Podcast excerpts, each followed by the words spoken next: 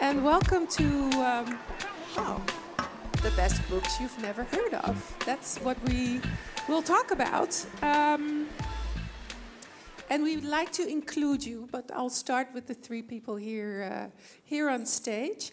Uh, so, welcome everyone. Uh, my name is Nancy Jouwe. I'll be your host for 45 ish minutes. I see it's 42 minutes. Um, and uh, it is it's hot, ladies. It right? is very. Yeah, yeah. Um, so welcome. Uh, we're going to talk about um, a topic that has been, um, yeah, on the agenda, if you will, for a bit now in the Netherlands. So we're going to also focus both on the Netherlands but also Europe because we have an international gathering of eloquent speakers here. Um, and um, so, in a way, it has been addressed, but at the same time, I guess um, it's not addressed well enough, and we should talk about it more. We should continue talking about it. And I, th I think, especially here at Winternachten, um, this is a topic I think that's not been addressed that much. And of course, this year's sort of general theme is. Um, free your mind. It's a riff. Um, it's riffing off of decolonize the mind. Now I like to, you know, call things as they are. So I would ac actually want to suggest let's decolonize uh, these uh, 40 plus minutes. Um, right? Yeah. Amen. Amen to that. well, one points for that already. Um, so we want to talk about gatekeeping, race, and the industry of books. Th those are the three things that we want to tie in together. Um, uh, yeah, it's quite ambitious, um, but I think it's necessary. What about publishers? What about editors? What about book owners? What about agents? What about scouts? When talking about race, um, why is why are things not um, well? Why is it why is the book industry still too white? I mean, you could also put it like that. I have three amazing guests with me. Um, right here with me, a little bit of a cough, but you're doing well, right? Um, Ellah Wakatama, um, Mylo Freeman, and last but certainly not least, Ebissé Rouw. Um, three um, well, veterans, I would say. Uh, we're sort of in this almost similar, same yeah, age group, right? So yep. I think there's tons of um, experience uh, at the table. So let's uh, try and uh, work that out. Uh, but I want to start with you, Ebissé, because, um, and we'll introduce you as, as we go along. Because Ebissé, you're um, an editor uh, at Pluim Publishers, you're with Dipsaus, the infamous podcast uh, for women of color, by women of color, but for everyone who's interested in that. But you're also uh, in the editorial team for this uh, edition for Winterdagen. You're the, the mastermind, if you will, behind uh, this session. Why do you think this is important? Um, well, I came up with this idea because being in the publishing industry, I think now it's been 15 years, no, 16 years now. Uh, one of the things that I noticed, whether especially in the Netherlands, is that when when we organize literary festivals and when diversity infamous word diversity mm. uh, is um, how do you say it, a subject that is discussed. It's usually writers or poets who are at the table and people are asking them questions. Why is publishing industry white? Why isn't it diverse? And I, I always think it's unfair to ask writers only, mm-hmm. and because they don't have the solutions. They are, they, they are dependent on their editors, the scouts. The, so I wanted that conversation that never takes place on stage mm-hmm. uh, to take place amongst the, the gatekeepers mm-hmm. because that, that doesn't really happen. I've never been in a situation where editors of different publishing houses in the Netherlands are sitting and being question- asked these questions. It doesn't happen. Mm. So that's the reason why I wanted to do this. Yeah. And what is the state of affairs in the Netherlands? In, in, in, a, in a, sort of short clip answer, uh, we'll talk more in depth We'll talk more in depth uh, later on, but what's the biggest problem here in the Netherlands, for instance, from your end? Well, it's better than what it was before. You're being nice. Okay. I'm being nice, but yeah. it's dire. Yeah. The situation is dire, and it needs to change. And I think, and they, they, are, there are publishers who are very much aware of this, and who are trying to change it. But up until now, it's it's more window dressing. So uh, it's more more in the sense that people want the the output to be diverse, but not necessarily the business. The business is not diverse. The output is diverse, and that's a problem. Yeah.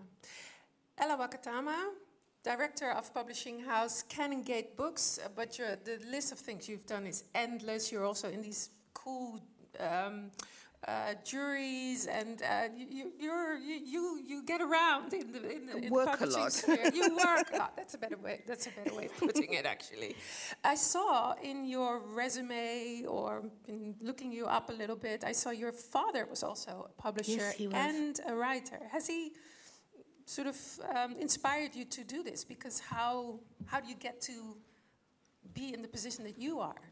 I, I think the inspiration is in the fact that I grew up in a house full of books, and reading was always the most important thing. You could get out of washing the dishes if you said you were reading, so I spent a lot of time reading.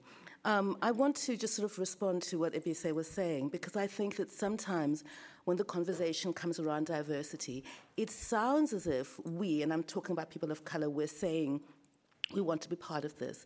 Mm. I actually don't think that's what the, the issue is. The issue is if you look at a country, I live in the United Kingdom, if you look at the United Kingdom, if you look at the Netherlands, anywhere in Europe, our job as gatekeepers is to create culture. Mm. The books that I publish as a literary publisher in 20, 30 years' time become that country's culture. Mm.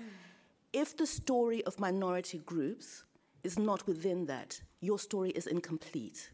Therefore, I'm not doing my job if I'm not including books by people of color, by queer writers, by disabled writers. If I'm only publishing the things that have been published before, the story is incomplete. So if students are then reading in 20 years' time, this is what the Netherlands was like, this is what the United Kingdom was like, it's a lie because it's not the complete story.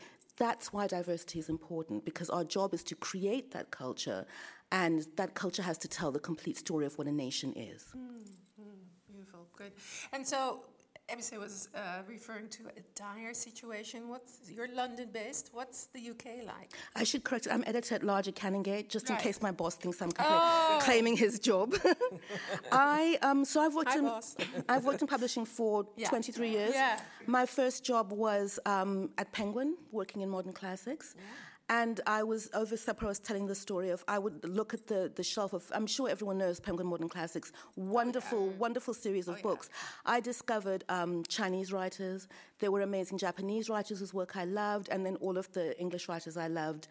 Um, none of the African writers were there, and. Um, I thought this bookshelf is wrong. It's, it's not a complete bookshelf.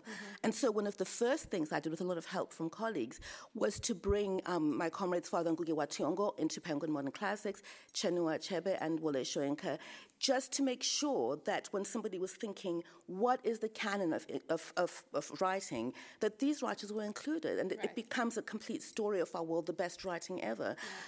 That was then. Things have improved enormously since. It's still not good enough. There are a lot more um, black and Asian editors and publishers. There have been lots of efforts in the industry. A little bit too much talking. I mean, the, the, the talking kind of bores me. But And not enough doing, you mean? yeah, well, no, there, there has been a lot of doing, but initiatives that don't just, you can't just say we want diversity. You have to think, okay, if you're bringing a young black person into an industry that is only full of, no one looks like them. When I started in publishing, nobody looked like me. Yeah. Um, writers would correspond with me, and then they'd meet me, and they'd be looking, well, where is my editor? Where is my editor? You know, and I'd be sitting right there. That is less likely to happen now. It's taken a lot of work with, for all of us to do, but it has to be conscious and intentional. And you also have to think if you're the child of an immigrant, as many of us are, or you're an immigrant yourself, mm-hmm. working in publishing pays nothing. Mm. So if you're bringing in interns, you can't say free internships. So then you have to pay the interns. Mm-hmm. So you get working class people coming in, you get people of color coming in. It's complicated and it's difficult and it's necessary. Mm. Thank you.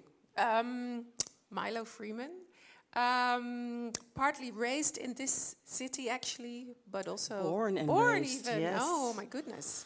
Yeah. Um, partly uh, raised in, in New York City, but living. You have been going back and forth, sort no, of. no, no. I was never. Ra- uh, no, yeah. Well, I lived there for a while Right, to visit yeah. my father, but Yeah. I was uh, born and raised here in The Hague. Yeah. And after that, I moved to Amsterdam. yeah. So And so you've been to a couple of continents, as probably we all have uh, at this table. Um, now, if I look back at my uh, childhood, one of the things that saved me from myself, I guess, in a way that sounds very dramatic, but um, I had a black doll, one. And secondly, I had an Lucky auntie. I know, right? And I had an auntie who had written a children's book. Uh, it's a Papuan auntie. I'm partly Papuan. Uh, she, uh, she had written a, a children's book that um, the protagonist was a young black uh, uh, girl uh, who's done all sorts of things. And it, it helped me a lot in, well, identifying with her, obviously. You are sort of the, the person who brought color in sort of the, the world, the wondrous world of children's books, the, Ara, the Arabella series, Yeah. right? Um, let it. Let me see who has um, who has the Arabella series uh, in the house, or who has who has has- children? who- Well, who has Small children. Oh, okay. Did you did you have children or you have the Arabella series? Yeah. If you don't have the Arabella series yet, you can actually buy it here. Um, I think they're all there almost, right? Yeah, yeah. Very cool series, very beautiful. You're both the illustrator and uh, the, The writer. writer, yeah. How did you get to write these books? Where did it come from? What was the inspiration? Why? Well, I think it started about 12 years ago when someone, uh, uh, a friend of mine, told me a story. She was a, a theater teacher for children, and she taught a group of children. One of the uh, children was a little girl named Giacchini. She was about eight years old, and the friend, my friend, had uh, written a little play about a prince and a princess, and she said to Giacchini, "Well, you can play the princess."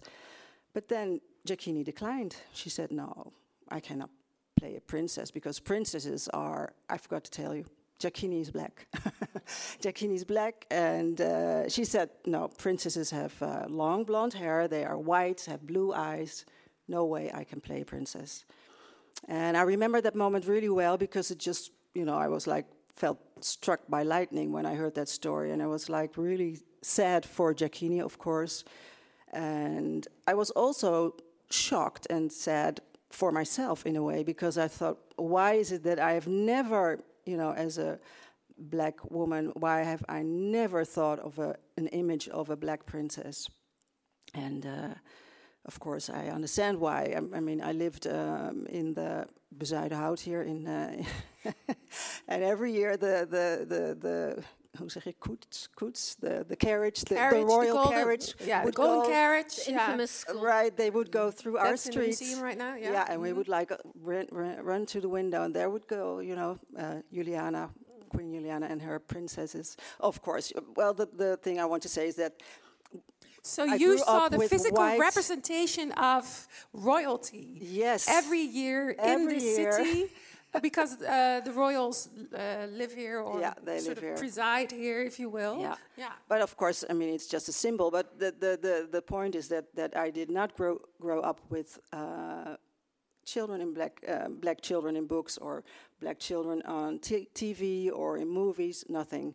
So uh, that's the way it goes. And then you don't think of, an, uh, of a princess being black. You know, and, and a black child for me was like a, an, a poor African child because that's what we saw. We saw, you know, every time the movie would start, we get this little commercial about really poor and hungry children in uh, Africa. Yeah. The importance of representation is, is what we're talking about here. Yeah. To, to, to, to mirror yourself is, is, is, is, is sort of key for, for a child to grow up in a healthy way. Uh, and also having sort of, I remember being six and having a white um, girlfriend neighbor with long blonde hair. And um, that was very different uh, from obviously fr- from the hair I had. Um, if you're not being sort of tickled to to see it as a, as a positive image or something that's okay to have. I think basically, also, right? Yeah, and, and we, I would encourage us all, all to think beyond that because, yeah. of course, it is about us seeing ourselves. Yeah. But also, you're describing your friend. Mm. If your friend is living in a society where she is seeing children of different colors, but in the books they never yeah. are, it's a great benefit to, to that, that child who is a white child as well to be seeing Princess Arabella. I think that it's really important that we don't always talk about these issues. I mean, they do. It's about us, our representation as well. But everybody is richer for it. All of us You're are. so right. And it's, it's for both. It's for black and for, uh, for for white children. Yeah. I was in. Uh, it was really well striking. Well, it struck me that a lot of the book reviews for your books yeah. were also of white women who were appreciating the fact that yeah. there's ethnic diversity in your books. Yeah. But, yeah. yeah.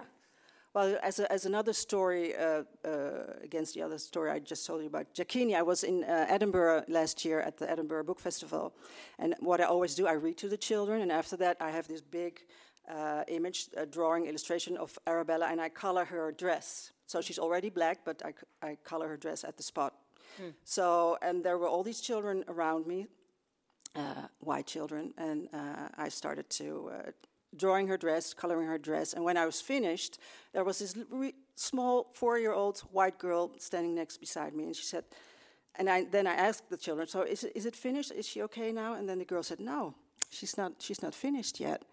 And I said, "But well, wh- what? Why is she not finished?" And she, she really had to think what how you know what, what she was feeling. Formulate her. Yeah, and, and and she was thinking things. She said, "It's her face. Her face isn't finished yet." Mm. And I thought it was, I was like, yeah, you know, it was really, it was heartbreaking in a way because, of course, she saw the black face of Arabella and she thought, no, it has to be white yeah. Because she's a princess. So it's just yeah. like reverse. And of course, I felt her mother cringe at the spot. Yeah, yeah, yeah. but I, in a way, I was also grateful for that moment because I thought, see, that's how it goes. You know, she was so used to seeing white princesses, and she thought. Children from six to eight already have a very oh, clear idea of social reality, yeah, yeah. and how we even, interact. Even as, as young as four. Yeah, right. earlier maybe. Yeah. yeah, maybe two. Yeah. Right. Okay, so let's talk a little bit about what are some of the hindrances in the industry when talking about these these matters. Uh, ABC, you're sort of running around all these book fairs. I also always see you sort of tweeting or Instagramming about it. But what is it you see in the in the wondrous world of of of the book fairs and and and uh, who is there, what's happening, how does it work, and what are some of the aspects? And please, anyone who wants to. Um, I mean, um, international book fairs. My experience has been especially specifically uh, London. Most, I mean, the two largest ones are London Book Fair and uh, the Frankfurt Book Fair. And again, 15 years of being in the publishing world. It's only last year, 2019, at the London Book Fair, where there were a lot of uh, people of color walking around. That was only last first, year. Only last year that yeah. I really thought, okay, this is.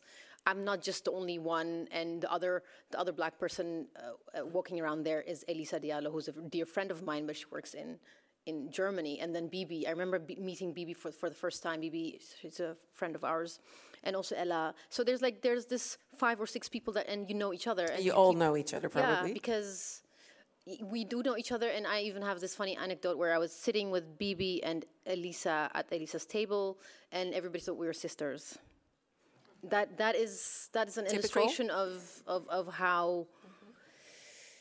What the situation is, and that's something that I know for me that's a default, so I don't really mind. But I've reached a point where I don't want to deal with that anymore. Yeah, in that sense, there's work to do. Yeah, yeah, there's work to do. I, I sorry, no, if, ahead, if, I may. No, uh, one, one, of the things that I, I, think about a lot is that, um, you know, what Ebissé is saying is, is completely true. But the, the problem is never with the readers. No. You know, it's the, you, the audience, the readers. I find, I've found throughout my career that if I put an excellent book in front of readers, they will buy it, they will read it, they will talk about it. The problem and the reason that this, this is an important discussion is with gatekeepers, where we always underestimate the capacity of readers to imagine. Yeah. And the whole point of literature is imagining and, and learning and traveling inside your head. And to my mind, the further you can travel, the better. Mm-hmm. And if that travel is taking you outside your own country, your own culture, your own society, and, and going wide around the world, readers lap that up. Yeah. And so often our battle is not about finding readers for, for, the books that we want to publish. It's convincing within the industry that actually things can change, even if this is how we've done things for hundreds of years. Um, things can change and the readers will take it up. And so I think that the conversation always has to be around that rather than worried that, oh, you know, the readers won't understand Princess Arabella, they won't understand this book, because readers always do. You know, it's a small number of people who spend this yeah. much money on books, yeah. and those people all have amazing imaginations. Yeah. You, you actually uh, refer to the fact that um, it was libraries who picked up on Arabella sooner than the bookshop did. Uh, yeah. And um, why do you think that is? I think it is uh, because the, the libraries are more in touch with, with, with well, the children, of course, and, yeah. and, and um, they actually come there to yeah. read rather to than just buying it and getting yeah. out of the shop again. To borrow, right? yeah, yeah, yeah. And so it's also a lot of more people with lesser means who come there and who, who, yeah. who cannot afford maybe the books. But um, yeah, there was one, one uh, a couple of remarks I, I, remember at the time when Arabella came out, when some stores said, well, you know, it's a black princess, and you know, people from Suriname don't come into the bookstore, so we don't think it will sell. And uh, you know, I thought it was I don't know what, what, what I should do with that remark, but I thought, well, you know, one thing, because I was really uh, keen on, on, on, meeting my audience, of course, so I thought, well, maybe in other ways, just, just to take a step forward and, and look for my audience. So I thought, what can I do to, to reach my, my black mothers and, and, and, and grandmas and aunts and mm-hmm. dads also, of course. So I thought, maybe a way is to go to these uh, natural hair fairs, you know, where they oh, buy hair products and, and and there's a really big hair fair in uh, Rotterdam. So I thought, well, I'll book a table there, bring my books, and uh, I had dolls also at the time. and uh, yeah, and, and it was just so moving also because, of course, all these moms uh, came to the table and they said, oh, finally a book that I can read to my daughter and, and, and, you know, with a black character. And so that was really beautiful yeah. 10 years ago yeah, a couple of years later, I didn't have to do it anymore because they already knew the books. But uh, yeah. it, it's a way to reach your audience. Yeah, you want to weigh in? Yeah, yeah I, I want to expand on what um, Ellah said yeah. about the difference between international book fairs and um, comparing it with the Netherlands. As, as, as undiverse as it is, mm. when especially specifically the, the US and the UK market compared to the, the Netherlands, it's more diverse. There's more diversity there. And um, so being there, being amongst um, like-minded editors, scouts, and um, foreign rights managers, you, I see a lot of books being published which are really interesting and which I think are interesting for the Dutch yeah. audience. But what you hear a lot in the Dutch within the Dutch publishing industry is like, oh, but nobody wants to buy it. Mm. That's like a default answer, but nobody will be interested in that story. Mm-hmm. Unless it's a sob story, like poverty porn or something. Mm-hmm. It's like what the, the default is like. Ja, maar daar, niemand koopt het. Yeah. nobody standard, will buy no, it. Nobody will buy. That's mm-hmm. a standard answer that I that that was very frustrating um, to me because knowing, especially specifically knowing that the Dutch market, a lot of fiction and even children's fiction is trans- in translation. Yeah. The, the Netherlands, uh, it's a very tiny country, but yeah. it's one of the in Western countries they, tra- they translate a lot. So I don't understand why within that translated market there is no space for yeah. missed opportunity, yeah, maybe. Absolutely. Yeah.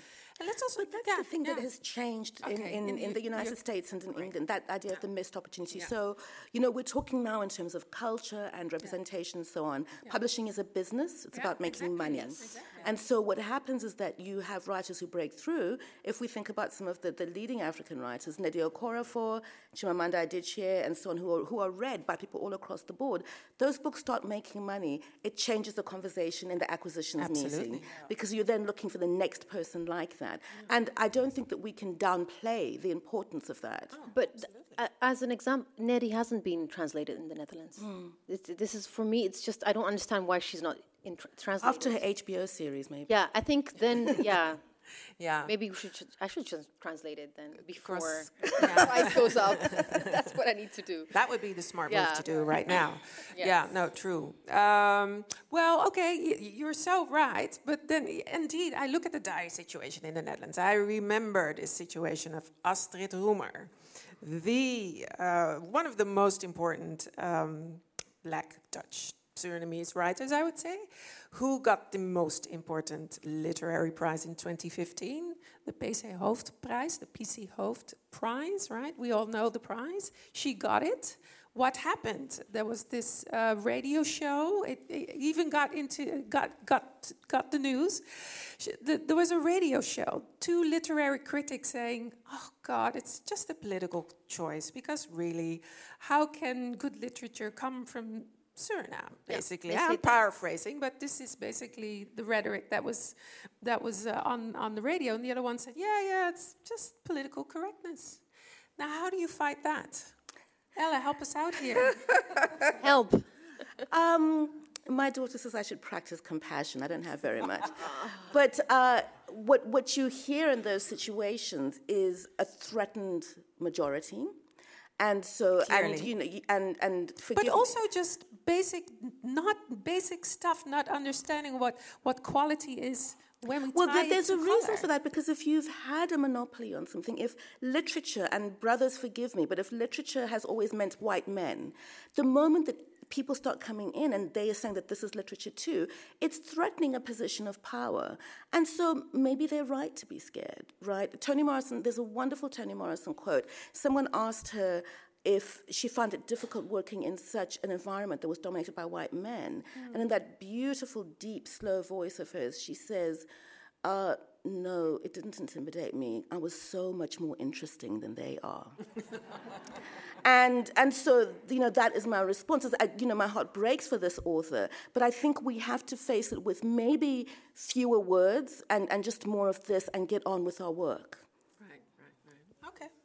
Yeah. well, You No, know, and the, not- the anger comes in your changing the situation. Yeah. Yeah.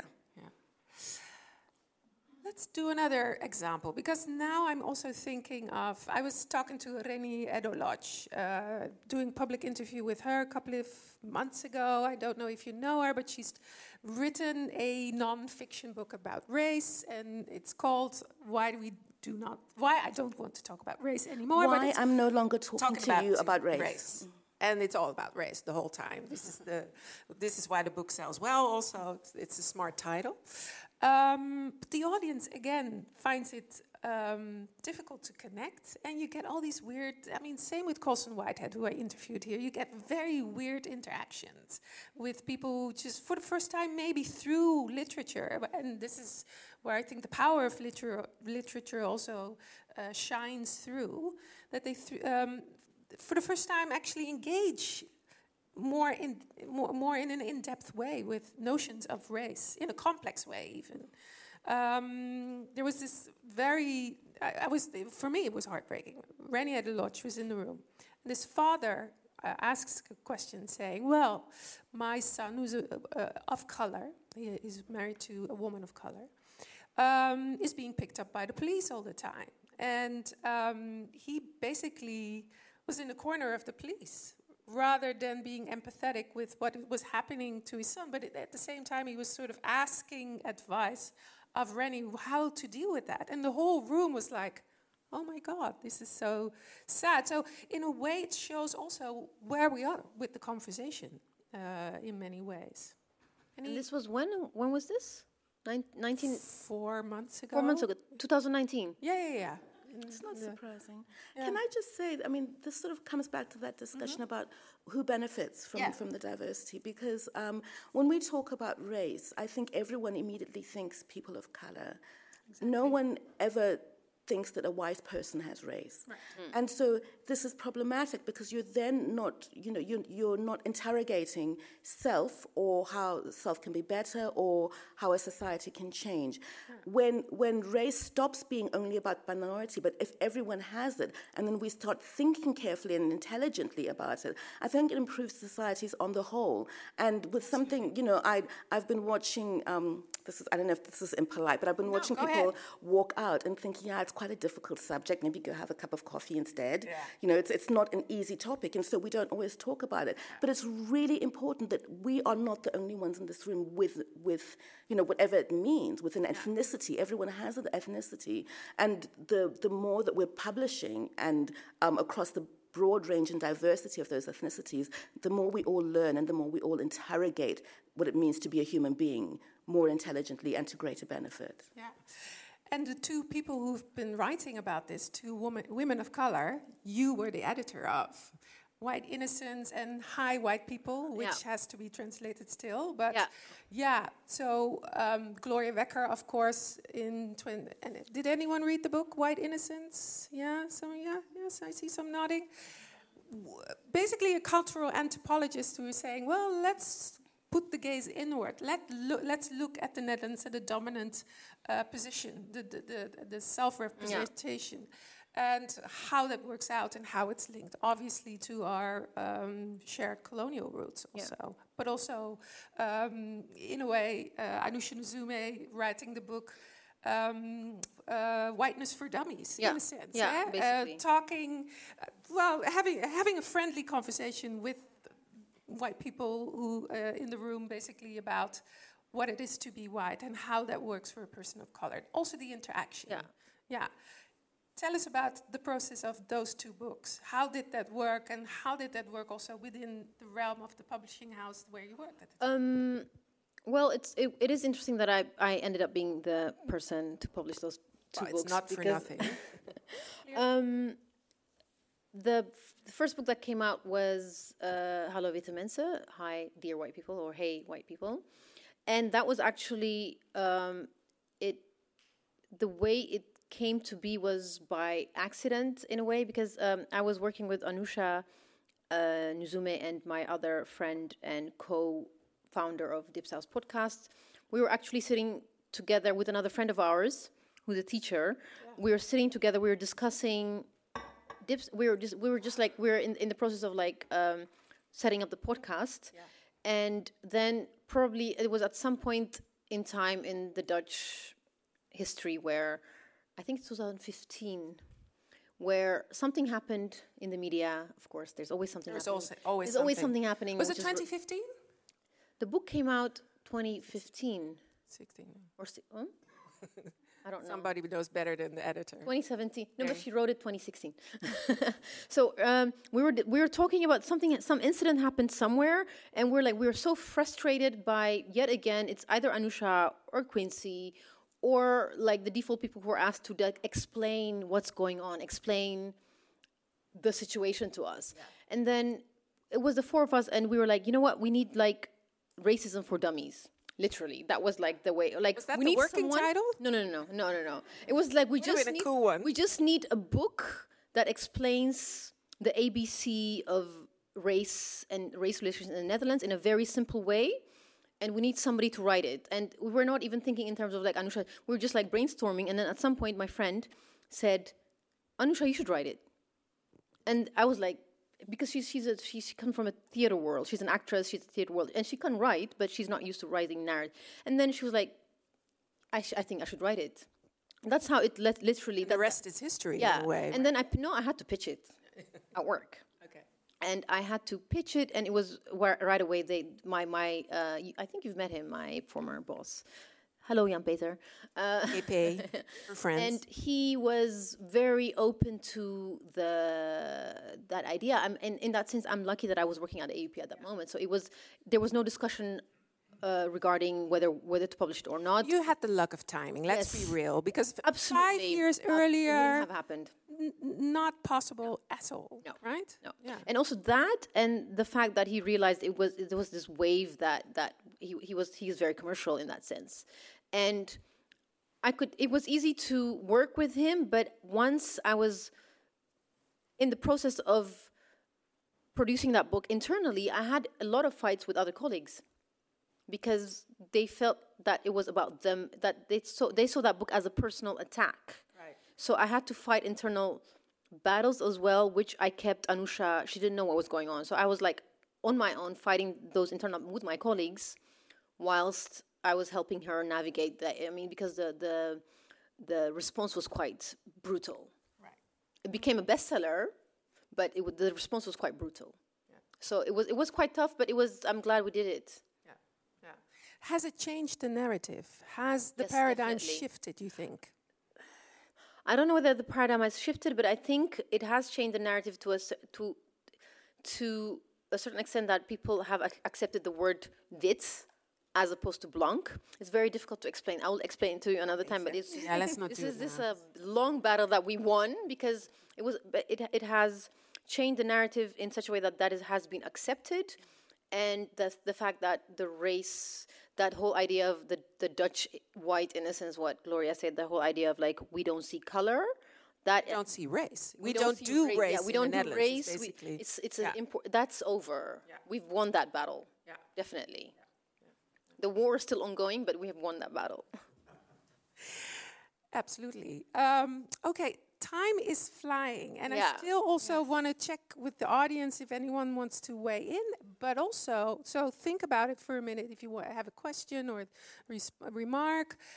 But I also want because the title obviously um, is the best books you've never heard of. So I want from all of you the tip of a best book, uh, according to you, that you think they've not read yet.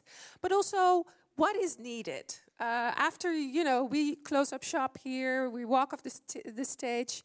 But really, um, this is about uh, sustainability. Uh, there's still a lot to do. Like you said, it, we have to work, get to work. So those are the two things I want to discuss. And I'm now checking the room. Is there anyone who has a question or a really sort of oh, I want to get this uh, off my chest? Then this is your moment.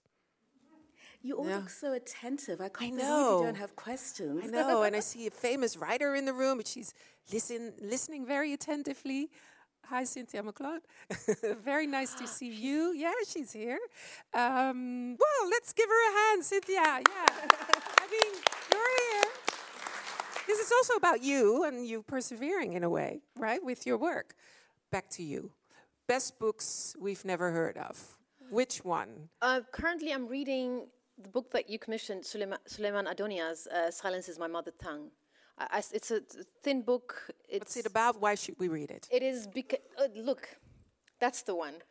Um, Sulaiman, yeah, uh, Sulaiman is an Eritrean-born British writer currently based in Brussels, and this is his second book, right? If I'm saying it correctly. And uh, he was a refugee. He, he he was, I think, he's maybe four years older than I am, and he moved to. First, he, he did move straight to the UK. I don't know the the entire story Saudi Arabia and then the yeah, UK. Saudi Arabia and then the UK. And the sto- I don't want to give away the plot, but it's the story is written from the uh, POV of a woman um, in a refugee camp in Sudan. Can I just say, you've missed out the juiciest bit. This is an erotic novel. Ooh. Yes. That is so true. It's, it's, it's an erotic novel written, by, written by a man. Written by a man. it's very interesting. set in a Hugely important camp, yes. information. It's Duly beautiful. noted. It's, Yeah. it's beautifully Okay, written. sold. So- Next book. It's a children's book, and it's called uh, Julian is a Mermaid, and it's such a wonderful book about Why? because it's the the pictures are beautiful, but also You as an illustrator. yeah, of course important. it's important. Visual But it's it's also a lovely story about a little black boy. I think he might be like five, six years old, and he's traveling with his grandmother in the subway uh, in New York, I guess. And he sees a couple of transvestites, uh, all dressed up and beautiful. I think they're also dressed up as uh, mermaids. And he, he looks at them and he thinks, "I want to be a mermaid too." Wow. And uh, first, and then they go home, and then, well, grandma has to do a little nap or something, and then he, he, he grabs some of her clothes, I think, and then something on his head, and he looks, re- he, he loves the way he looks. But then grandma wakes up, and that's a really touching moment. You think, oh, what she's going to say, yeah? And then she looks at him and she says, well, and then, but she takes him by the hand, and then they go to, I think it's a sort of a transvestites parade or something. But it's so beautiful. You have to read it and It's look at it. fantastic. yeah, you had a me at transvestite mermaid. Uh, Yeah. Absolutely. Your tip. Okay, um, I'm going to choose one of my books. Um, a book by a Ugandan writer called Jennifer Makumbi. and it's called Kintu, spelled K I N T U. And it's a book that is set in the ancient kingdom of Buganda. Mm-hmm. So it's an African historical novel about a family curse mm. that comes through the generations. And it's, um, I think, one of the most important East African books of the last 25 years. Plus, it's such a good story. Yeah. And those people in ancient Buganda got up to some stuff. And I just, I encourage you all to read it. It's, it's a brilliant book. Kintu. I want to read all three. that, that, those are brilliant tips. Thank you for that. So to to sort of wrap it up, um, indeed, what are we doing tomorrow? Um, what are some of the tips or things that you're thinking of, or you yourself are going to work on? I or co-organized a, a session about uh, black feminism and the different generations, and we were sitting there with three generations in the room. And the youngest one, uh, Christelle Muganyende, uh, she's 20 plus. She said, you know, all the stuff that you women have been talking and doing and and and writing about. Where is it? Where can I find it? Um, so really about um, making the canon more inclusive, but also accessible. Now there's a big problem in in the Netherlands, I would say. Rewriting the canon. Yeah, yeah, yeah, yeah. So that that's one of the things I picked up. So your question is, what are we doing next? I, I, in my own head, and also for survival, have to recast this in a very positive light. Yeah. And reading is the most important thing in my life. And I think of all the gifts I want to give my fellow readers. And those gifts include reading the whole world. Right. And so my job is about one, how do I find those writers? And then how do I bring them to my readers? Yeah. And so I guess the next thing to do is to, to carry on with that, that, that battle, that struggle, to help people who love books the way that I do read the whole world. Yeah, beautiful. Thank you. Well, how about you, Mylo? Well, I, I uh, had the um, uh, opportunity uh, this year given me by the CPNB mm-hmm. to make the picture book of the coming Children's Book Week, which is really great. That is wonderful. It's so yeah, it's it's absolutely awesome. but uh, so I'm making a book right now. i have written story. I have to start sketching the, the, the illustrations, and of course it's about uh, diversity and inclusion. For, for Mar- it's going to be in March, or is it? No, no that's October. Yeah, it's October. It's October. Yeah, have time.